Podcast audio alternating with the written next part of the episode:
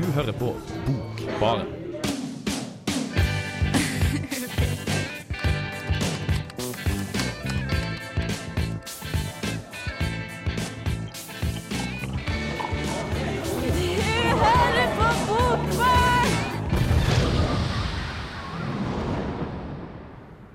Det gjør du, og det gjør du bare så vidt, for det var akkurat på nippet så vi ikke rakk det i dag. Ja, i dag gikk det litt rundt for alle her, men eh, vi, vi står i studio nå og er klare. Nesten ikke andpusten engang. Eh, det har generelt vært eh, en dårlig planleggingsuke, men vi har klart å få med oss Kristi, som går litteraturvitenskap. Hei der borte. Hei, hei. Det er hyggelig at du kunne komme. Hva vil du snakke om i dag? Eh, det dere vil jeg skal snakke om.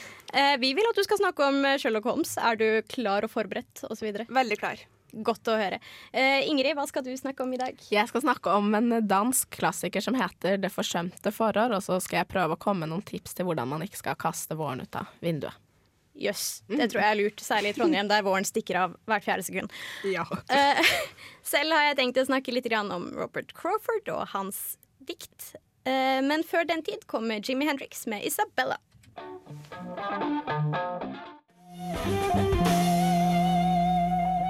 Eh, Ja, jeg heter Dag Solstad, og dere hører nå på Bokbaren, og der er altså jeg. Hadde det enda vært så vel. Det er han ikke. Men han har altså vært her, og han liker oss, og det syns vi er hyggelig. Dag Solstad, altså. uh, den som derimot er her, er Kristi. Hei, Kristi. Hei, Maren. uh, jeg har personlig hooket deg inn for å snakke om eh, Sherlock Holmes. Ja. For det er jo snart påske, og folk driver og leser krim. Og du er en av forkjemperne for gamle Sherlock Holmes-bøker. Veldig stor forkjemper. Hva er det som gjør det så bra? Det er, en veld, det er veldig klassiske detektivromaner. Klassiske detektivromaner? Ja, og det setter stor pris på. Og jeg liker at de er såpass kort at man kan lese en ferdig før man legges på kvelden. Er ikke det nettopp det som gjør det skummelt? Blir du liggende hele natten og skjære tenner og Nei. Nei. Det er ikke så skummelt, det er mer kult. Mer kult. Ja. ja, ja. ja. Eh, men eh, jeg kjenner deg jo fra før, så jeg har jo sett deg på en måte krøllet opp i en liten sofa mm, med på en måte Tumbler i fanget eh, før de begynte filmingen. Av hvilken sesong av Sherlock? Sesong tre. Sesong tre. Når var det de begynte? De begynte for to dager siden. Wow. Og du gleder deg? Det er vel en underdrivelse. Det er en underdrivelse. Men for jeg tenker sånn, de fleste Hvis man først brenner veldig for en bok, sånn som du gjør for eh, Sherlock Holmes-bøkene, så skal det gjerne mye til før man eh, virkelig setter pris på filmatiseringen. Hva er det de gjør som gjør at det fungerer her? Det som, de har gjort det veldig autentisk. Og de har tatt gjerne flere historier i én episode og bare smasha det sammen til noe skikkelig bra. Det er bra produsert, det er fantastiske skuespillere, det er et bra manus. Og de har tatt en, den gammeldagse Holmesen som vi alle kjenner, og gjort om til en moderne en. Ja, for det er eh, nå fra 2013 på en måte at mm. Mm. Ja. Og det, det fungerer. Det fungerer veldig veldig bra. For litt sånn som om filmene med Jude Law og Robert Downey jr., så er det litt sånn Nja, det her det, ja. det er ikke helt autentisk, er det vel? Eh, Det, nei. Det, vi har vel sett bedre filmer, uten at jeg skal eh, drive art på meg filmofil nå. Men eh, ja. Um, men eh, er, det er altså noe du kan anbefale lyttere å se på i påsken? Veldig. Ja. Og det er to sesonger med tre episoder hver. Så det er jo veldig overkommelig. Ja, Passer veldig bra til å ta en kveld eh, hver dag i påskeferien. Ja. Ja. Nei, men eh, da blir det mer krimtips eh, veldig snart. Men først er det Sidebrokk med Hovdebygden.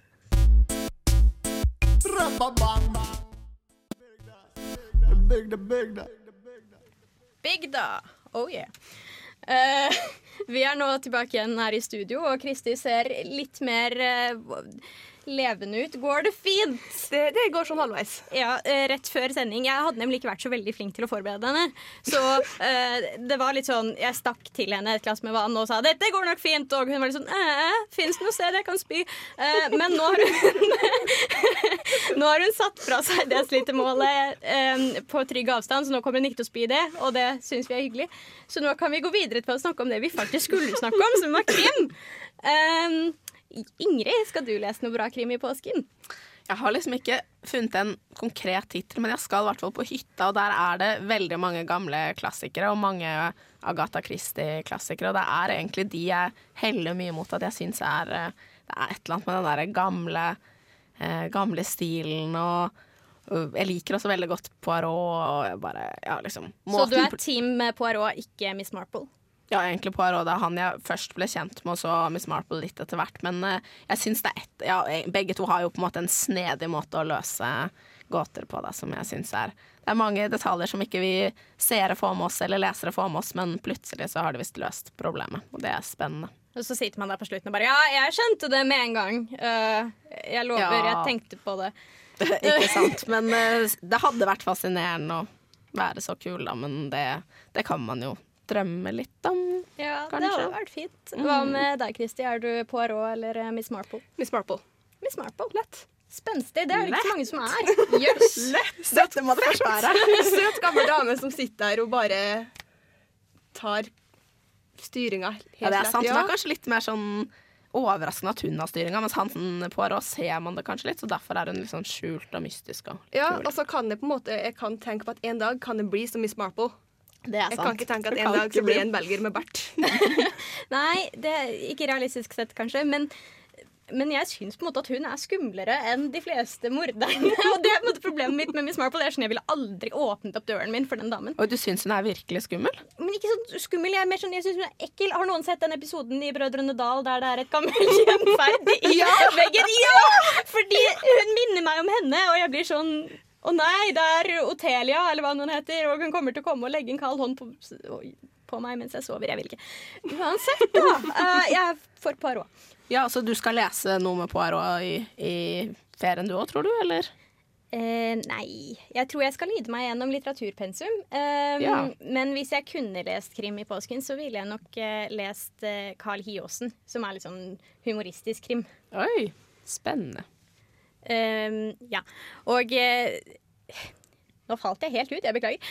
Eh, teknikeren vår skal lese eh, Linn Strømsborg, som vi snakket om i forrige uke. Så generelt, jeg tror det blir en bra bokpåske. Mm, det tror jeg. Mye tid til å bare fordype seg i mye litteratur. Det blir deilig.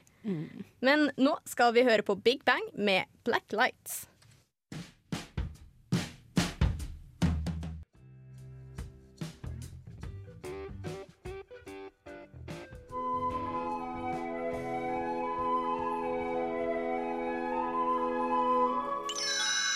Ukas dikt. En livseksamen. Svar ærlig og rett fra hjertet. 1. Omskriv The Wasteland ved kun å bruke enstavelsesord. 2. Omorganiser hele Bibelen i to kategorier. Én med kunnskap som overskrift, og den andre med visdom. 3. Hvor mange kvinner hadde Henry den 8. lyst på utenom sine koner? 4. Gjør en av følgende dramatiske entreer. Naturlig. Ved keisersnitt. Ved klipping. 5. Mens du puster jevnt, tell alle kroppens lemmer og gråt. 6. Fullfør en av følgende setninger. Kjærlighet kommer før et fall i. Kjærlighet overvinner alt i Eller Jeg elsker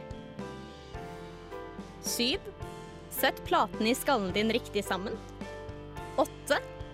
Unngå følgende krybbedød, hjernehinnebetennelse, hjertesvikt, leukemi, sprutbrekninger, polio.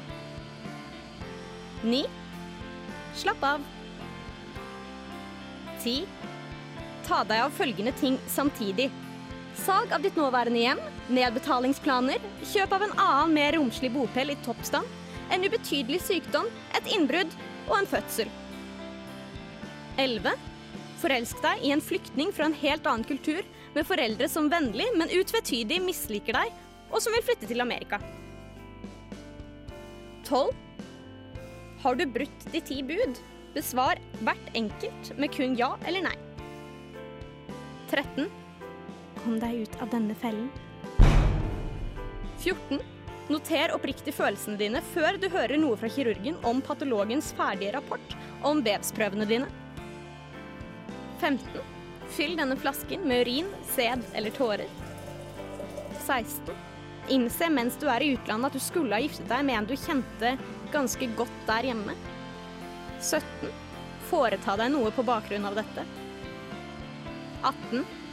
Uten hjelp av kalkulator, Napers Bones, foreldre, barn eller angitte instrukser, etterlign oldtidens aritmetikeres utregninger av pi.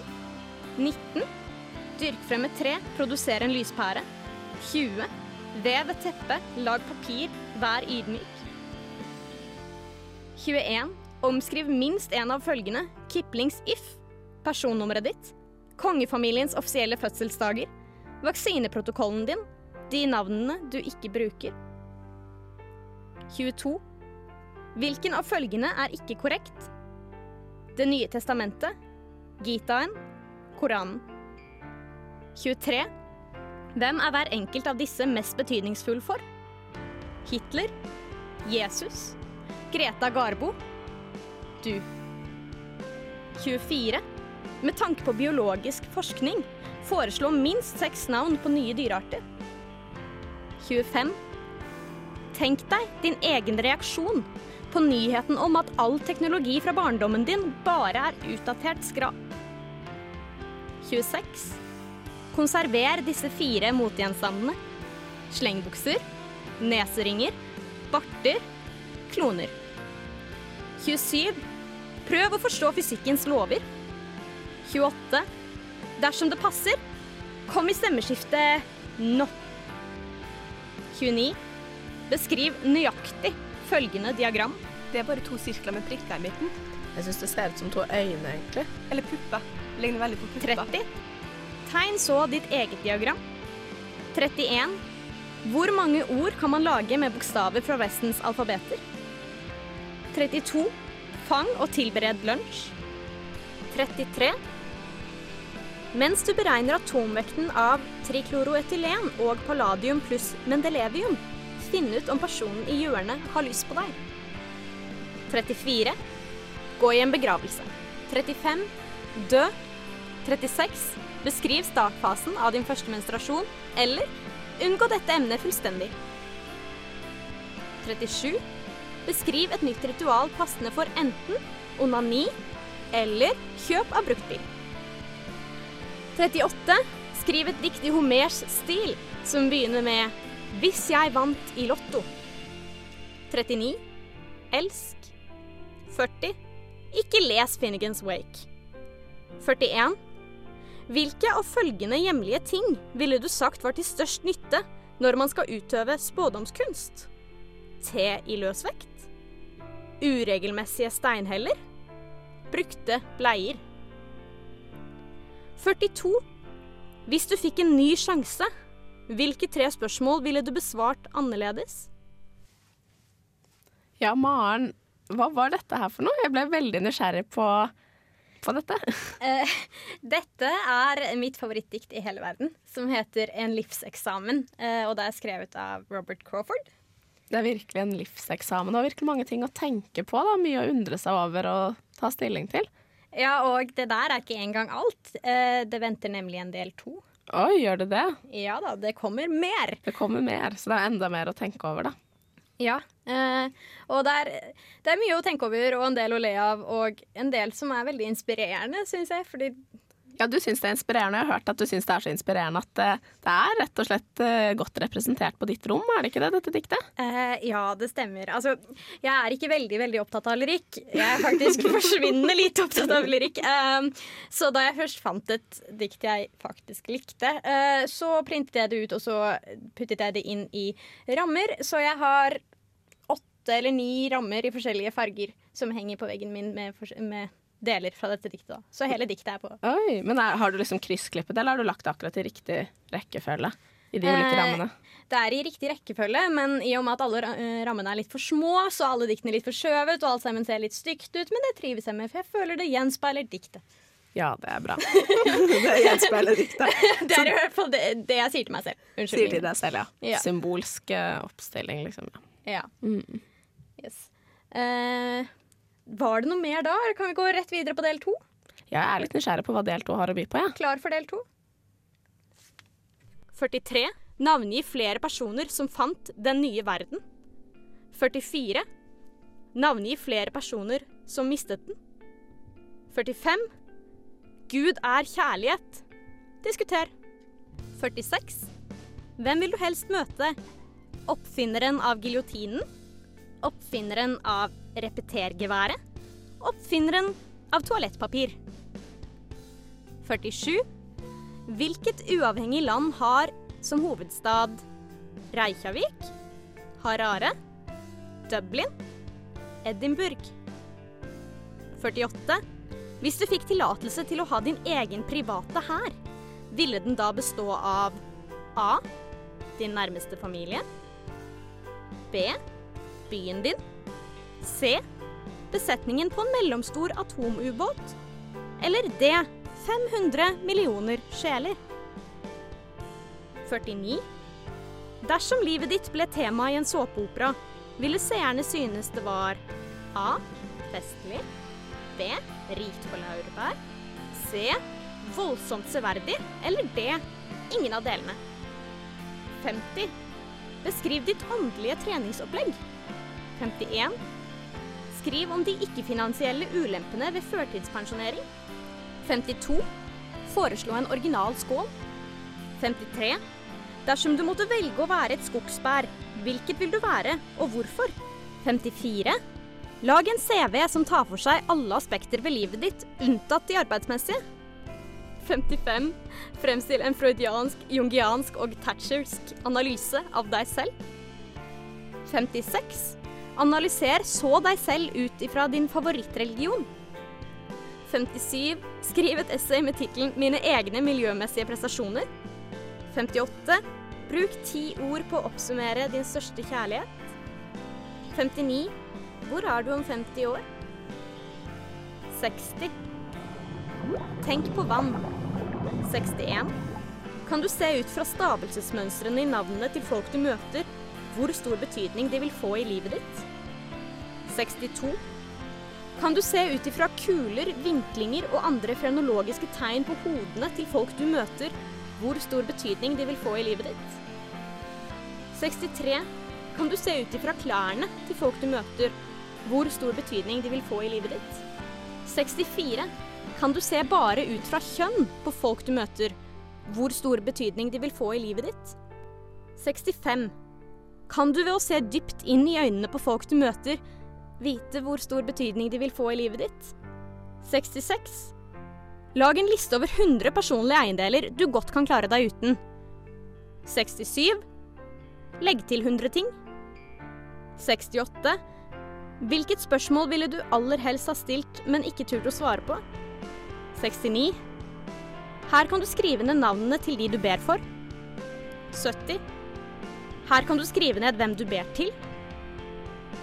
71. Nå kan du tilføye andre spørsmål som du ikke behøver å svare på.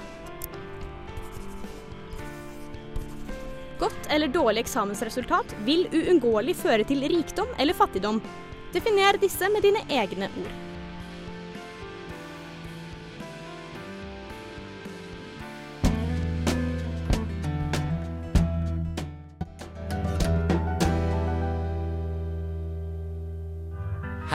Dette er Jostein Gaarder. Du hører på Bokbaren i Radio Revolt.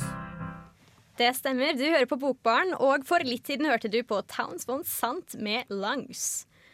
Nå derimot skal vi gå over på en bok som Ingrid har lest. Ja, jeg har lest en dansk klassiker igjen. Nå blir man kanskje litt lei av meg, men ja, i hvert fall eh, Det forsømte forår heter det. Eh, og det er jo Forår er jo vår på dansk, for de som ikke vet det. Men uh, hvert fall, det handler jo mye om å ikke kaste bort våren sin. Uh, og det vi møter, da, er en, en skoleklasse som går på det man kan kalle den gamle skole, da. Uh, Med disiplin, og her er det ikke rom for å være annerledes eller tenke fritt eller ha fantasi. Det er virkelig ting som skal pugges, da. Uh, og hvordan disse guttene sitter og jobber og jobber og jobber, jobber, jobber og virkelig ikke har tid til å nyte våren og lære hva den egentlig har å by på. Ja, så dette lyder litt kjent. Folk som studerer for mye på våren. Øh, Ja, eksamensperiode øh. eh, jeg føler du har Altså, tatt i betraktning at vi har hatt samme eksamen, Kristi. Hva er ditt forhold til å bruke opp våren på å lese til eksamener nå? Utrolig bortkasta. Ja. Så du er enig i at det er verdt å skrive en hel bok om at man ikke burde kaste bort våren på unødvendig lesing? Så absolutt, jeg kjenner smerten. Kjenne smerten. Og denne boka her, så er det vi, altså Jeg tror at vi kaster jo kanskje bort en vår. Man kan si kaste bort, men vi lærer jo sikkert noe av det. Og vi har jo i hvert fall hatt en vår før, vil jeg tro. Mens noen av disse guttene her lar det kanskje oppleve kanskje aldri den våren, og noe som gjør at de rett og slett ikke vet hva de skal bruke den til. Annet enn å pugge, da. Og de blir rett og slett ikke helt hele mennesker, kan man kanskje si. Dette høres jo ut som litt dunkle greier. Er den veldig trist? Den er jævlig morsom, unnskyld kraftuttrykket, men den er virkelig morsom. Det er det som er eh, Skjærvik sin største styrke, vil jeg si. At det er veldig morsomt. Men det er, det er jo trist, men det er et eller annet litt sånn søtt over de karakterene som også kommer fram. Da. Eh, Og det som også er med denne romanen som passer litt til påske, det er at den faktisk også er litt krim, litt krim i den. Litt spennende og litt skummel og litt sånn. Men det er ikke hoved, hovedelementet, men det er jo litt, litt krim inne i bildet òg. Mm. Da gleder jeg meg til å høre om eh, krim. Men først så skal vi høre på Dråpe med 'Memories'.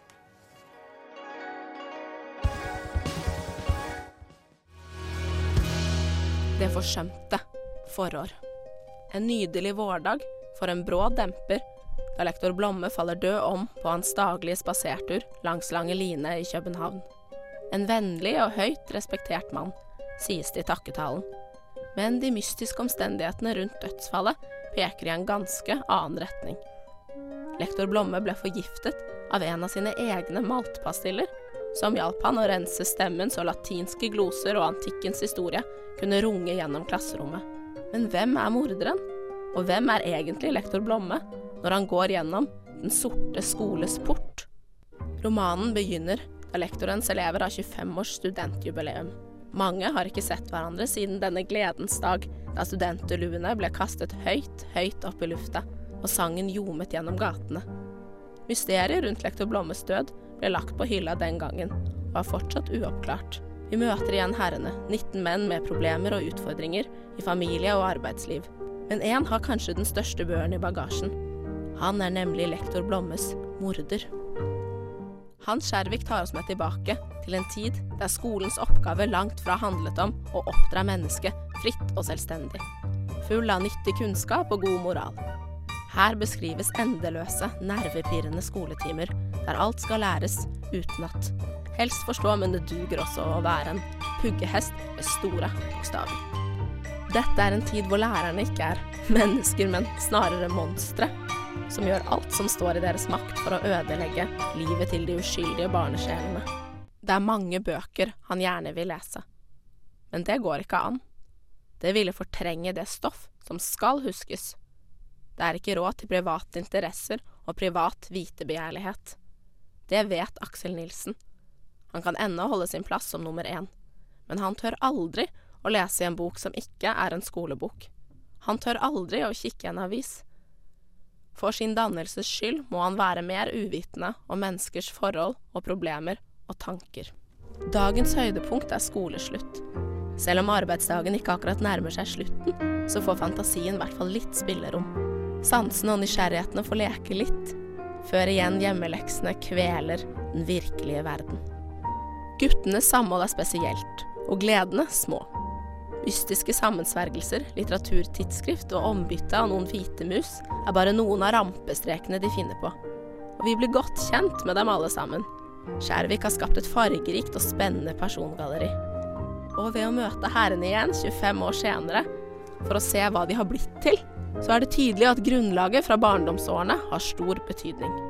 Vi ser hvordan mennesker formes, og dessverre også ødelegges. Dybdeforståelsen i portrettet av så mange menn er en sjelden styrke hos Skjærvik. Det er så gjennomført og ordentlig at det er troverdig. Og det er dette som gjør Skjærvik så interessant å lese. Vi møter sarkastiske Mogensen, den evige student som endelig har fått fri fra alle søsknene.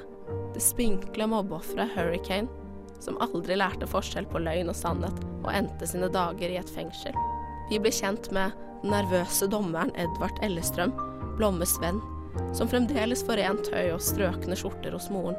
og vi hilser på idealisten og psykoanalytikeren Rige og den alkoholiserte politimester Roll.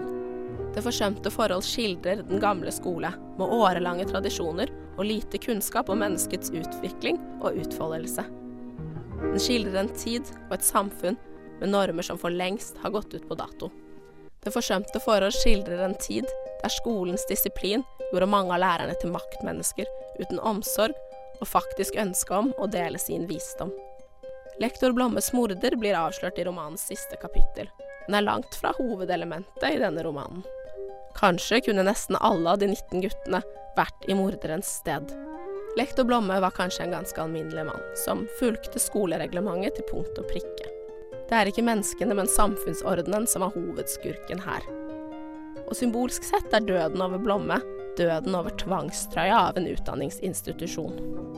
Men tro ikke at Skjerviks budskap er foreldet. Tvert imot. Som studenter så kan vi vel kanskje ha en lei tendens til å ha arbeidsvaner som maskiner. Mens sola steiker og jorda endevendes. Vær litt forsiktig med hva du foretar deg, og glem ikke å tenke over det du lærer, opplever. At det kanskje har en betydning for noe annet enn å ha likestilling med fasiten. Og Skjærvik, han er morsom. Han er skikkelig, skikkelig morsom. Men har også mye klokt å si. Og det er lurt å tenke tilbake på en lærer man har hatt en gang. En ordentlig god en som man beundrer. For dette er mennesker som kanskje har forstått noe av det som ligger i kjærlighet til kunnskap.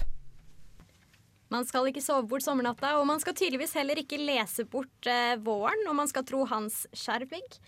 Ja, veldig godt sagt, Maren. Jo takk, noen ganger så klinker jeg til. Eh, jeg hadde i hvert fall veldig inntrykk av at dette var en bok du likte å lese. Ja, jeg har lest den en gang før, og så bare tenkte jeg at er det én bok som passer nå, så er det Det forsømte forår, altså.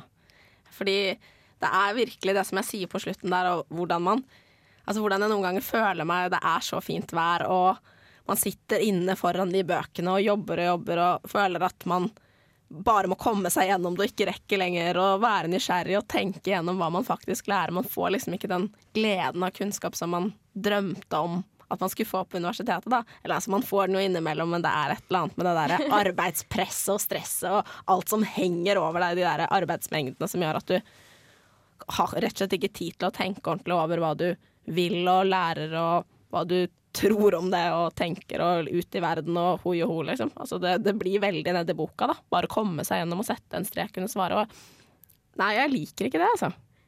Nei, jeg merker jo det selv også at uh, nå når jeg skal lese romaner for studiet mitt, så uh, Forsvinner lesegleden litt? ja. Det, det, det, hvordan stiller du deg til Dostojevskij for tiden, Kristi? Nå litt, litt dårligere enn jeg har gjort før. Ja, nemlig. Det, Mm. det blir jo fort sånn at hvis man, hvis man må, så forsvinner gleden litt med det.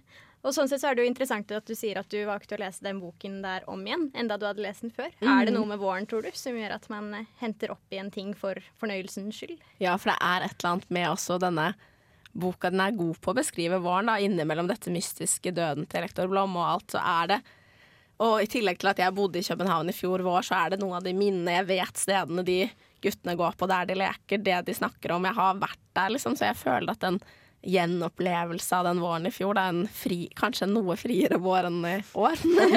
Men, jeg skal ikke si at vi har det så ille som det beskrives i denne romanen. Da. Altså disse.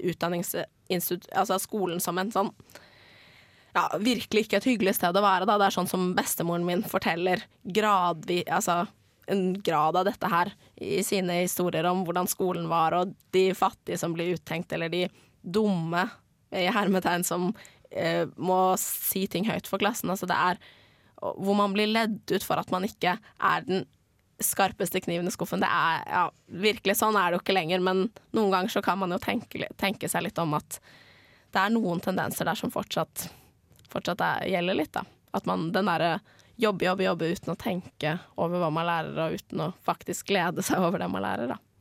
Det er mulig dette er litt kulturkrasj. Jeg føler at Som dragvolling så blir jeg litt sånn ja, jobbe, jobbe, jobbe.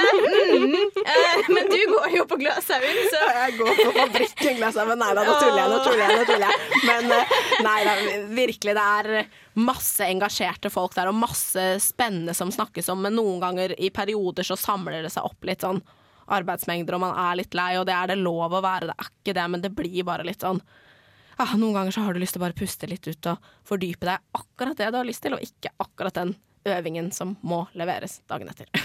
Men går det noen gang så langt at du tenker at dette kunne jeg, jeg jammen løst med en giftig pastill? Det er ikke foreleseren kanskje som er det største problemet, det er uh, utdanningssystemet. Nei da. Men jeg, altså, jeg ville Det blir en ny vri på bokbanken! Nei da, men altså, jeg ville ikke Jeg ville aldri gått i en giftepastill, og det ville jeg heller ikke for noen av mine Selv om noen av mine lærere også har vært litt lektor Blom-aktig, så ville jeg aldri gått så langt. Altså, det, jeg tror egentlig at han som har gjort dette i boka, angrer kanskje litt på det han gjorde. Det var litt sånn oi, nå er jeg litt sint her og nå, og så skjer det på en måte. Men uh, det, man skal ikke drepe mennesker, det skal man ikke uansett. Men, uh, God moral, Ingrid. Ja, men man, man, skal si fra, man skal tørre å si fra. Det var det lite rom for, altså. Det var det lite rom for. Så ja. ja men det er, det er, fint at du har fått noe ut av Føler meg mye tryggere nå hvis jeg skal omgå deg til våren og du uh, har lovet å ikke drepe noen. ja, men jeg har lest denne boka, så jeg har skjønt at jeg ikke skal forsømme min vår. Du Ja fått katarsis. Du har allerede fått det ut av systemet. Å... Ut av systemet. Uh. Ja, men det, det, er fint. Det trenger vi alle sammen iblant. Å på en måte riste det av litt. Ja, riste det av litt, men vi trenger også å stoppe opp og se på, høre på fuglene som kvitrer, og se på sola når den titter fram, leve litt. Bruke sansene våre. Det er viktig, altså, dere. Det er viktig. Og det er, eh, du syns altså at eh, budskapet i denne boken, som er å ta vare på våren, er noe vi burde ta hensyn til? Ja, det syns jeg absolutt. Og det står i romanens siste del at disse guttene her Det kommer en vår, og nå er de ferdig utdannet, og de kan egentlig bruke den til hva de vil, men de aner ikke hva de skal bruke den til, for det har de aldri lært. Høres sørgelig ut. Men ja. jeg får ta ditt ord på at det er en morsom bok. Eh, det høres ut som at det ikke er så veldig mange pollenallergikere, i hvert fall, i den boken. I, det, nei, det nevnes ikke noe om, nei. I og med at det ofte er det ting folk biter seg merke i når det kommer eh, vår. Men nå skal vi gå videre. Vi har tenkt til å høre på en låt. Det blir Talib Crayley med The Traveler.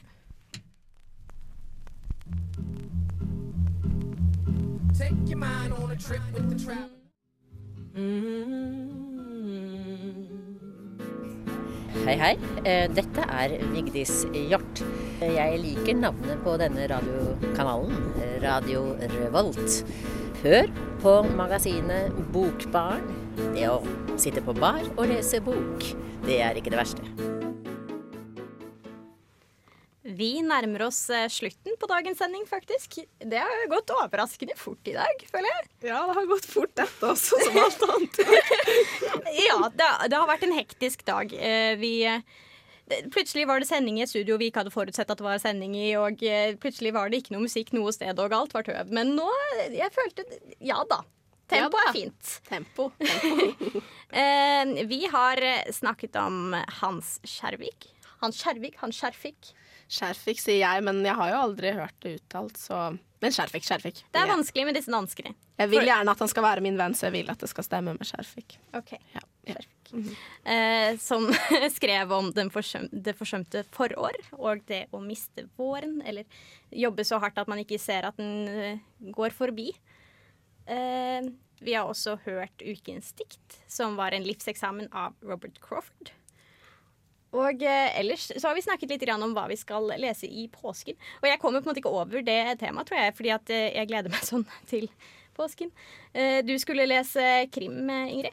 Ja, jeg har i hvert fall planer om å lese litt, litt, krim. Men jeg har også tenkt å se på noe annet. Men jeg har ikke bestemt meg helt ennå. Det er liksom en liten sånn påskeegg med bøker. Uh.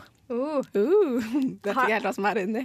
Er det tradisjon for i familien din at plutselig så dukker det opp en bok fra ingen steder, og så leser man den, på en måte, eller? Nei, men det er alltid sånn når jeg leter på hytta, så er det egentlig ikke vits å ha med noen bøker, for man finner alltid noen litterære skatter som man kan ta fatt på. Og det er det jeg har tenkt å faktisk virkelig ta på ord i år, da gå opp uten noen forventninger, og så finner jeg noe spennende. Det er sikkert et og annet jeg har hørt om der som jeg kan dra ut av bokhylla. Ja, det er sånn hytter skal være. Eh, min Jeg glemmer alltid at min ikke er sånn, så når jeg kommer opp dit uten bøker, så må jeg lese quizer fra 1968. Uh, det er jo bra litteratur, Maren. ja, jo. Problemet er at man skulle da tro at jeg nå satt inne med utrolig mye bra fakta.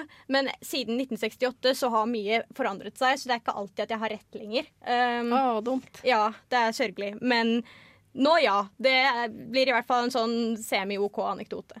Eh, og apropos semio-anekdoter, Kristi. Eh, altså, jeg tenkte, Har du tenkt å lese Vassmo, eller hvordan er det? Kan vi få høre? Det Ja, nei, det Nei. Jo takk. Ja. Jeg har ikke tenkt å lese Vassmo. Nei. Uh, nei. Jeg har uh, bestemt meg for at mora mi ikke lar meg lese Vassmo. Og det her har jeg utdypt til vår kjære stipendiat.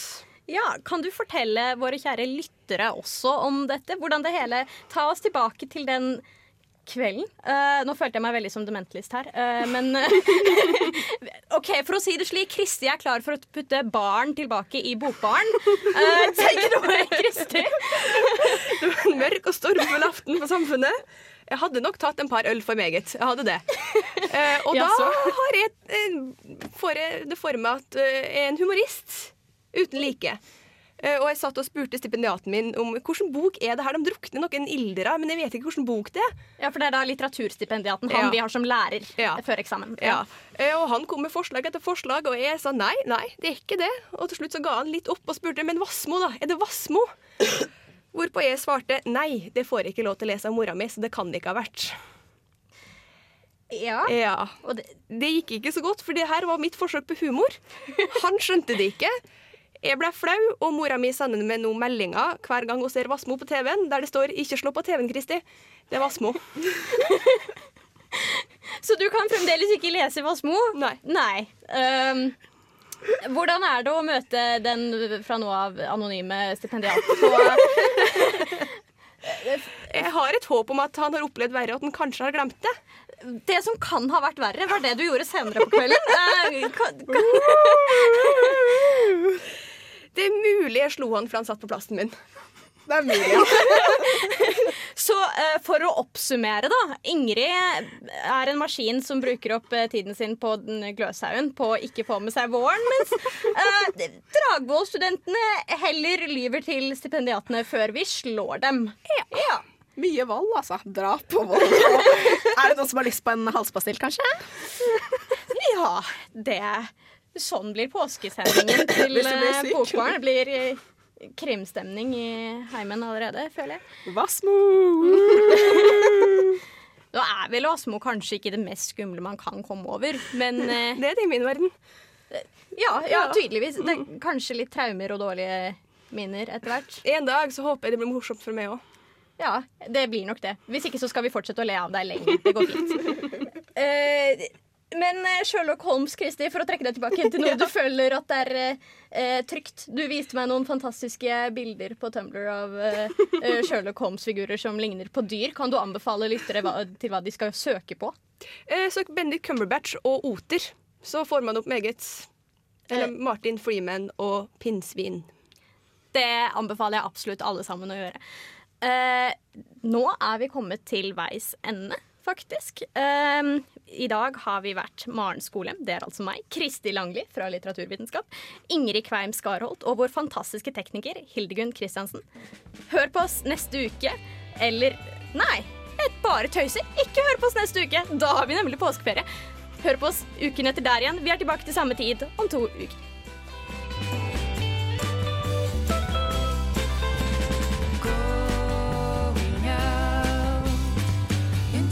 city.